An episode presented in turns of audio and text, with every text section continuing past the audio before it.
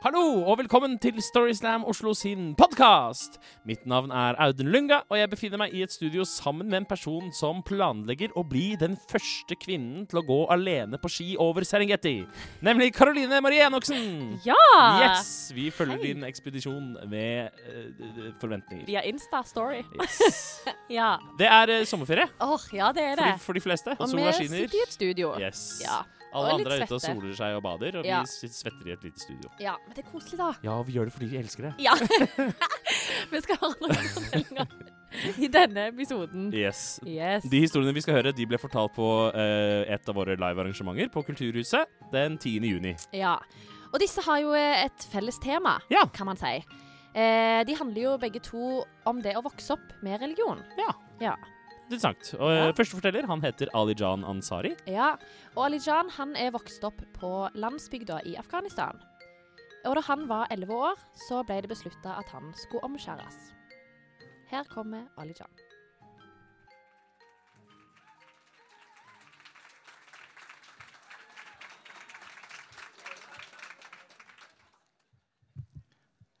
Når jeg var elleve år og lillebroren min var seks år, bodde vi en liten landsby et fjellområde i Afghanistan.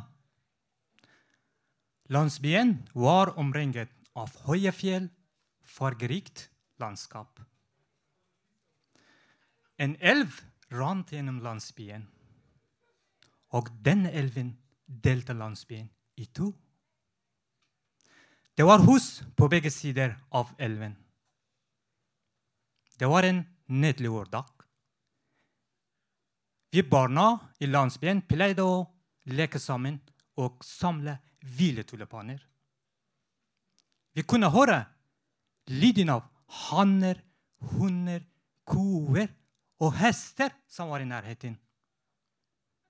Og plutselig hørte jeg en nabodame sa til mamma Hvorfor dere vil ikke omskjære deres sønn?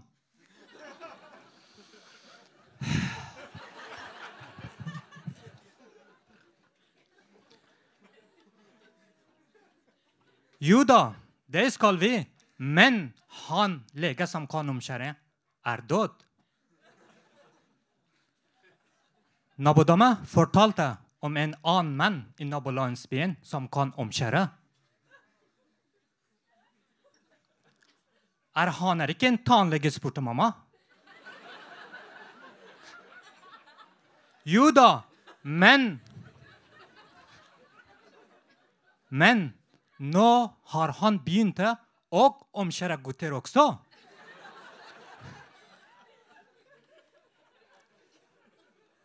En kveld etter at vi spiste middag, vi satt på stua.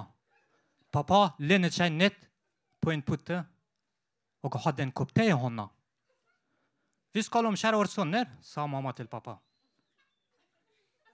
Pappa satt sakte til koppen ned på gulvet.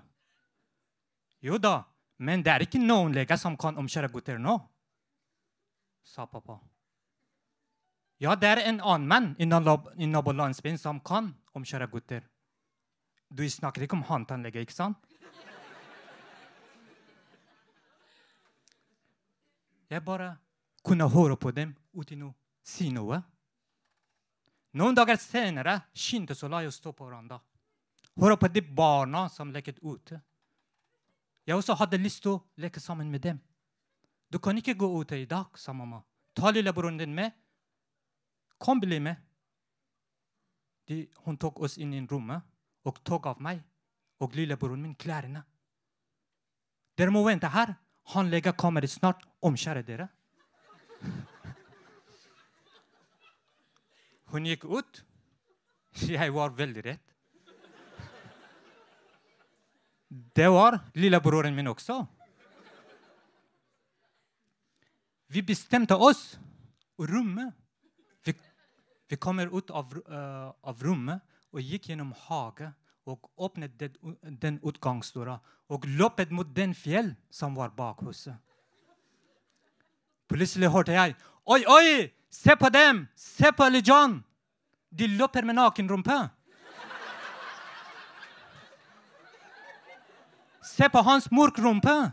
ropte nabobarna etter oss. Det lå høyt. Å, det er flaut å løpe med naken rumpe. Dere må komme tilbake, ropte mamma etter oss. Vi bare fortsatte å løpe. Det tok ikke så lang tid. Lillebroren ble tatt av nabomannen. Jeg var nesten på toppen av fjellet. Jeg ble tatt av pappa. De hentet oss tilbake hjem og puttet inn i det samme rom. De gikk ut og låste døra. Vi hørte at de voksne sitter i stua. De prater sammen og lå. Da jeg tenkte meg om hvorfor er jeg egentlig redd?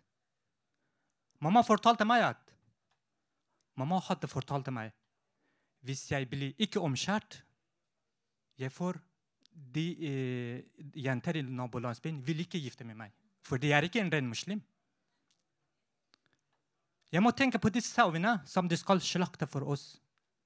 På den store festen som de skal stjele i stand. Alle slitninger og naboer skal komme og feire sammen med oss. Det er bare gøy. Plutselig banket på døra. Pappa uh, ropte mitt navn først. Alijan, sønnen min, du kom først. Du må være glad, for nå vil du bli en ren muslim.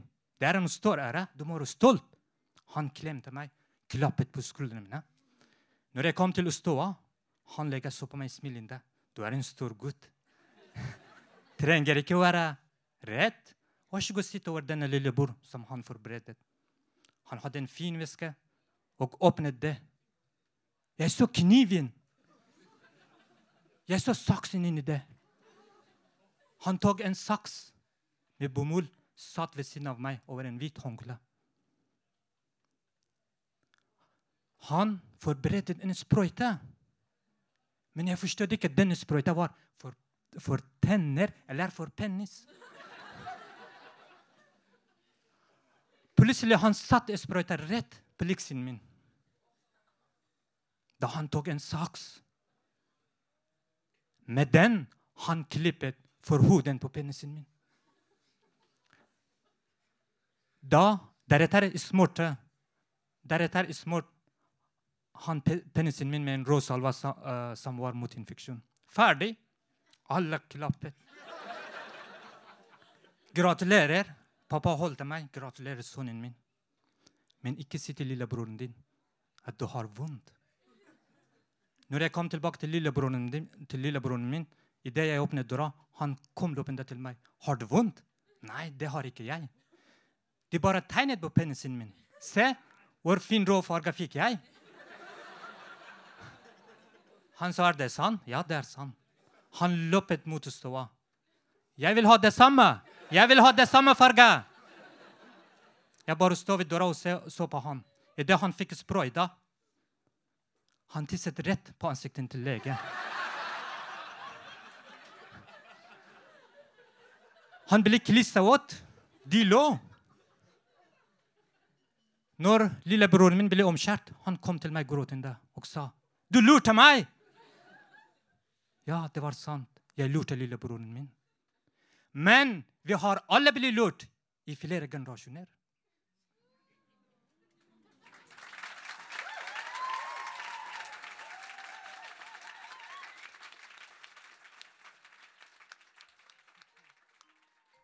Tusen takk til Ali Jan.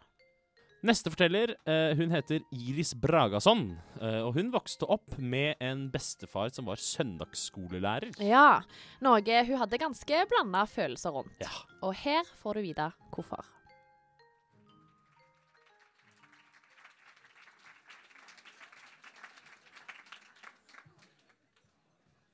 Vi er fire søsken, oppvokst på Torshov på 70-tallet hos svært kristne besteforeldre.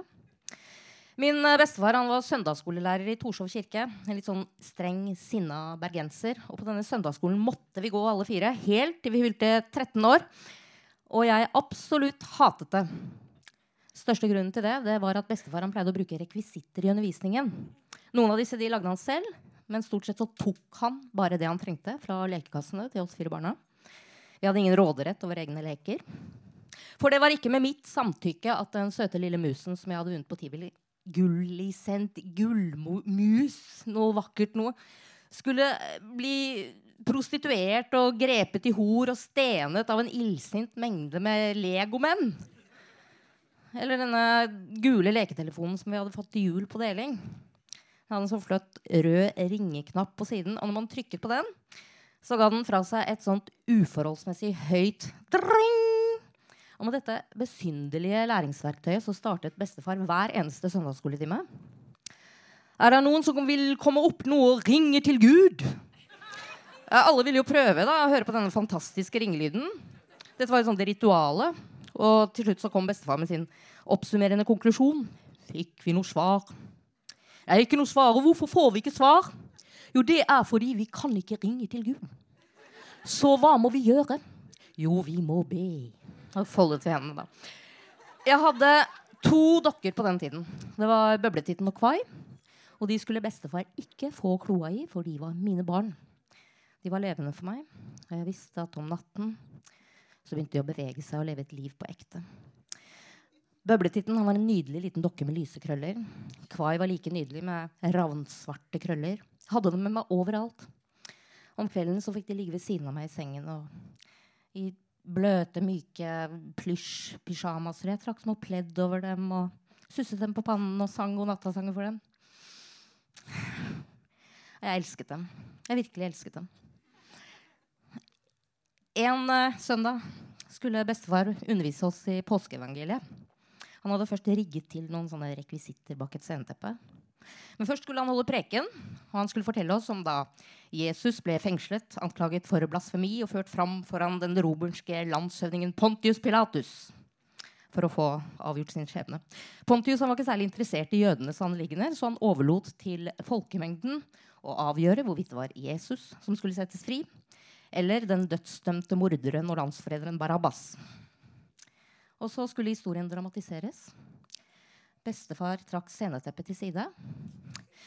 Og der, foran en horde av illsinte legojøder, sto bøbletitten i bare underbuksa i rollen som Barabbas. Og Kvai som Jesus. Og her hadde bestefar vært ute og plukket av noen tornegrener fra noen nypebuskene utover blokka og bare flettet sammen en liten tornekran som han hadde presset inn i hodet til Kvai.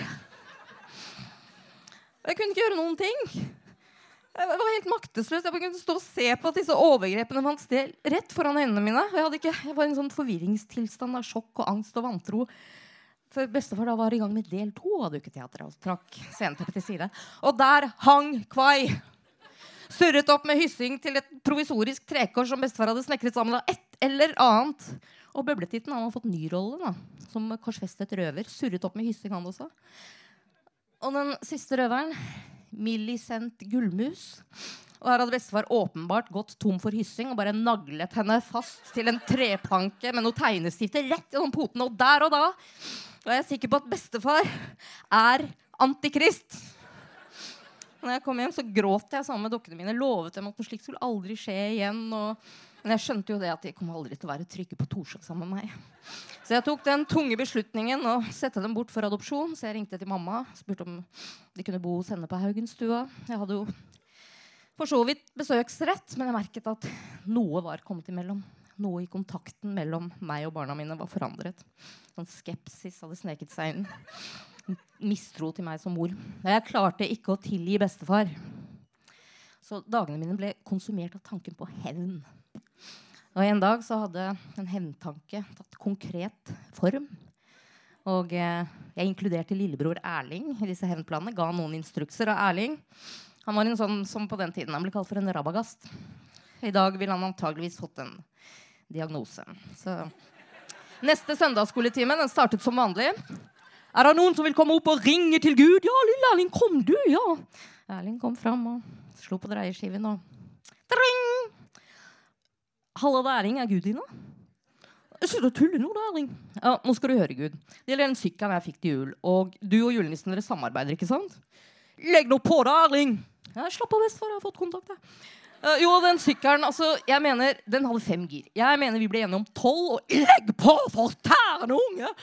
Og bestefar prøvde å nappe telefonen ut av hendene på Erling, så bare spant av gårde mellom benker, og den raste ting ned, med rasende bestefar i hælene, og fremdeles med Gud på tråden. Og eh, de andre barna hylte og lo, og jeg storkoste meg selvfølgelig. Men til slutt så snublet Erling i en Maria-statue, og bestefar fikk utmanøvrert ham og satt seg på ham. Og der i kirka ga han juling. Altså den grad av juling som eh, fremdeles var akseptert på 70-tallet. Og vi fikk jo ha leketelefonen vår i fred etter det, da. Det var jo greit. Jeg fikk min hevn.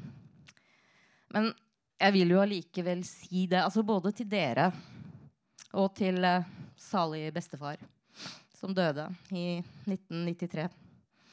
88 år gammel. Jeg har forsøkt å få kontakt med deg for å forsones, for jeg er ikke langsint. Og det håper jeg ikke du er heller.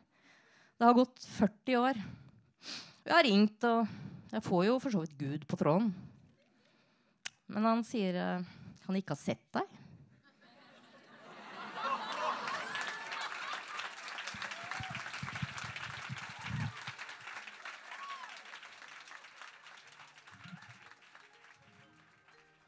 Tusen takk til Iris. Ja. Vi er jo tilbake med våre liveshow eh, etter eh, sommerferien nå, Audun. Yep. Men i mellomtida så må du jo høre på denne podkasten, som kommer ut med ujevne mellomrom. Yep. Gjerne gi oss en stjerne og en omtale i iTunes. Yep. Det blir vi kjempeglade for. Yep. Så kan du følge oss på sosiale medier. Yep. Facebook og Instagram. Yep. Og hvis du har historier du vil fortelle om, så kan du ta kontakt med oss der. Hurra! Takk for nå. Jeg fortjener denne mi, jeg ikke?